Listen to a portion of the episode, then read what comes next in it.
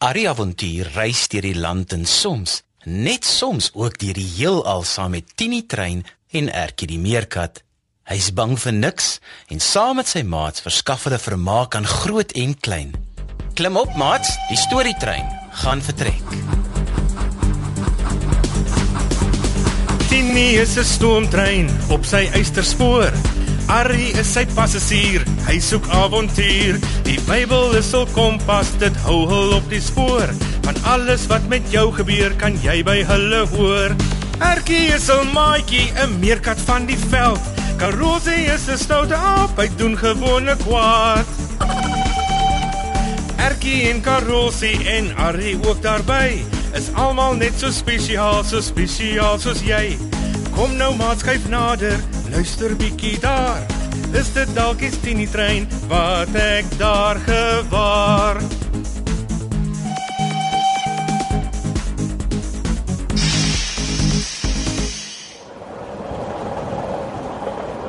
Sjoe, die pad loop 'n kronkerige slang van bo na onder Arrie.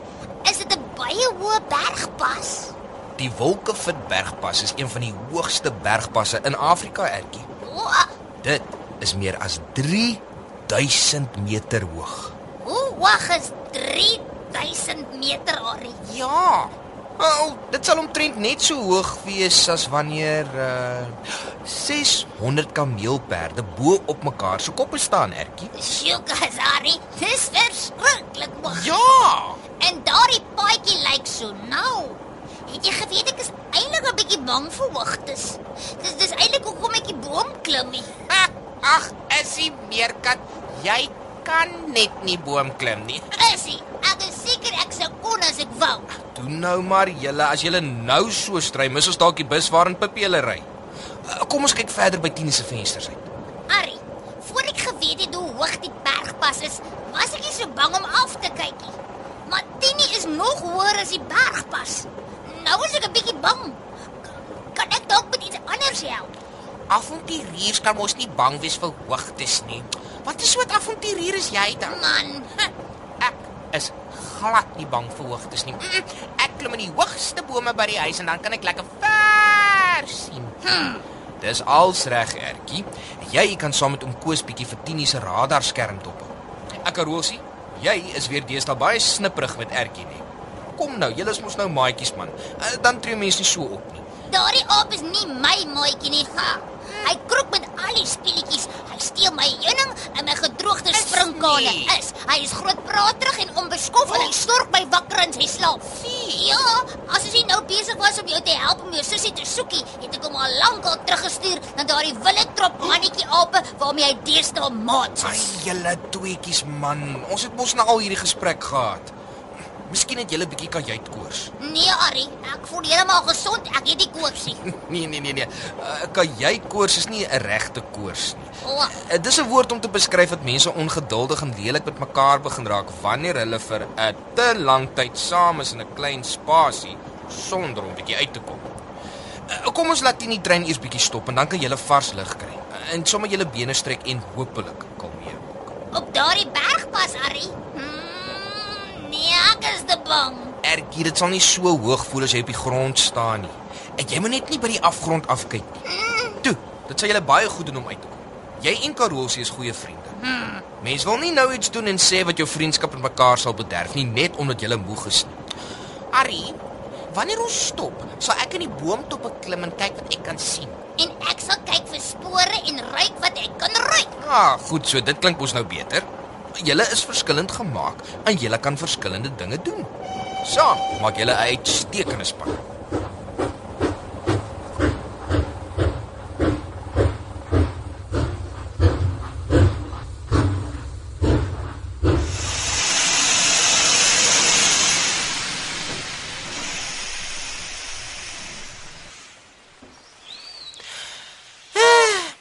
Hier bo in die boom kan ek amper oral sien. Ooh, en ek's lekker ver weg van daardie meerkat af wat net in die grond kan grawe.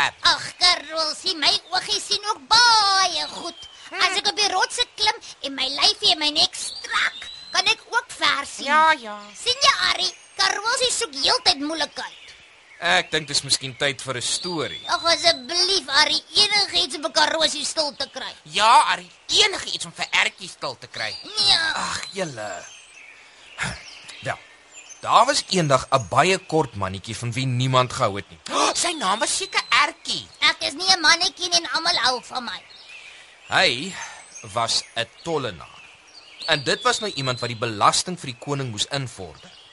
Belasting is 'n deel van iemand se geld wat aan die koning betaal moes word. Nou die koning moes dit gebruik vir dinge wat nodig was om die dorp en sy koninkryk veilig en netjies te hou. Maar hierdie tollenaar het van die geld vir homself gehou en so ryk geword. Ah, sy naam was seker Karosie. Nee, sy naam was Saggeus. Hy het in Jerigo gewoon. Hy het ook van Jesus gehoor en hy wou baie graag vir Jesus sien. En toe hy hoor dat Jesus na Jerigo toe kom, het hy 'n plan gemaak om bo die ander mense se koppe te kan sien. Hy het in die takke van 'n wilde vyeboom geklim. En daarvandaan kon hy afkyk om Jesus te sien. Het Jesus hom ook gesien, Harry? Ja, toe Jesus onder die boom was, het hy opgekyk en gesê: "Saggeus, klim gou af, want ek moet vandag in jou huis bly." Maar niemand het van sy gees gehou nie. Het Jesus dit dan nie geweet nie? Jesus het van Saggeus gehou. Net so Karolsie. Jesus se liefde vir ons hang nie af van hoe ander mense oor ons voel of hoe ons oor onsself voel of wat ons verkeerd of reg gedoen het nie. Saggeus was so bly om te hoor dat Jesus na sy huis toe wil kom dat hy dadelik afgeklouter het. Maar wat het die ander mense toe gedoen, Harry? Ooh, die mense was ontevrede toe hulle dit sien. Hulle het geweet dat Saggeus oneerlik was, maar 'n wonderlike ding het gebeur. Jesus het nie eens nodig gehad om met Saggeus te praat oor die verkeerde dinge wat hy doen nie. Saggeus het sommer self aan Jesus gesê: "Here, ek sal die helfte van my goed aan die armes gee. As ek te veel van enige iemand geneem het, sal ek 4 keer soveel aan hom teruggee." Haai, Harry. En wat het Jesus toe gesê? Jesus het geantwoord: "Vandag het daar redding vir hierdie huis gekom omdat jy bewys het dat jy 'n goeie seun van Abraham is. Dit is waarvoor die seun van die mens gekom het, om die wat verlore is te soek en te red." Arie, Arie, ek sien iets. Ek sien iets. Wat, wat? Ek ek sien 'n klomp mense wat stadig stap. Is hulle ver hier vandaan, Karolsie? Ehm, nee, nie te ver nie, Arie. Ek, ek dink as Ertjie daarin hardloop om te kyk of Pippi daar is en terugkom, sal dit seker net so ehm so 10 minute neem. Ertjie sien jy kans. Ja, ja, goed, Harry. Ek is jammer ek was lelik met Karosie. Jy kan later vir hom sê.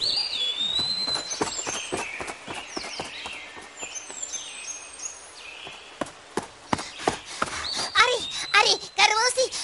Oom Koos, sy is daar. Sy is daar. Oh, sy loop stadig want sy het haar voet seer gemaak. Die bus het gebreek en hulle wag al 'n paar dae vir hulp. En, en, en toe het hulle besluit om te begin stap. Sy was baie bly om my te sien. O, oh, ag, dankie, dankie, dankie. Ek so bly om dit te hoor. Uh, Karolsie, kom jong, klouter af daar. Ons gaan my sussie haal. Uh, die ander mense help en vir jou en Ertjie terugneem huis toe. Almal aan boord. Al Die avonturiers is aan boord. Ehm jammer ou Ertjie hoor dat ek so lelik was met jou. Uh, ek sou ook jou heuning en jou springkane vir jou teruggee wanneer ons terug is by die huis, okay? Dankie, Karosie. Is ook jammer. Jy is my maat. Tini is 'n stoomtrein op sy eysterspoor. Arrie is sy passasier, hy soek avontuur. Die Bybel is hul kompas, dit hou hul op die spoor. Van alles wat met jou gebeur, kan jy by hulle hoor. Erkie is 'n maatjie, 'n meerkat van die veld. Karosie is 'n stoute aap, hy doen gewone kwaad. Erkie en Karosie en Arrie ook daarby is almal net so spesiaal, so spesiaal soos jy. Kom nou maar skuif nader, luister bietjie daar. Is dit dalk die Tini trein wat ek daar gewaar? Die avonture van Arrie en Erkie is geskryf deur Elsie Stander. Dit word opgevoer onder spelleiding van Lazelle de Bruin, tegnies versorg deur Neil Roo en vervaar deur Worldwide Media.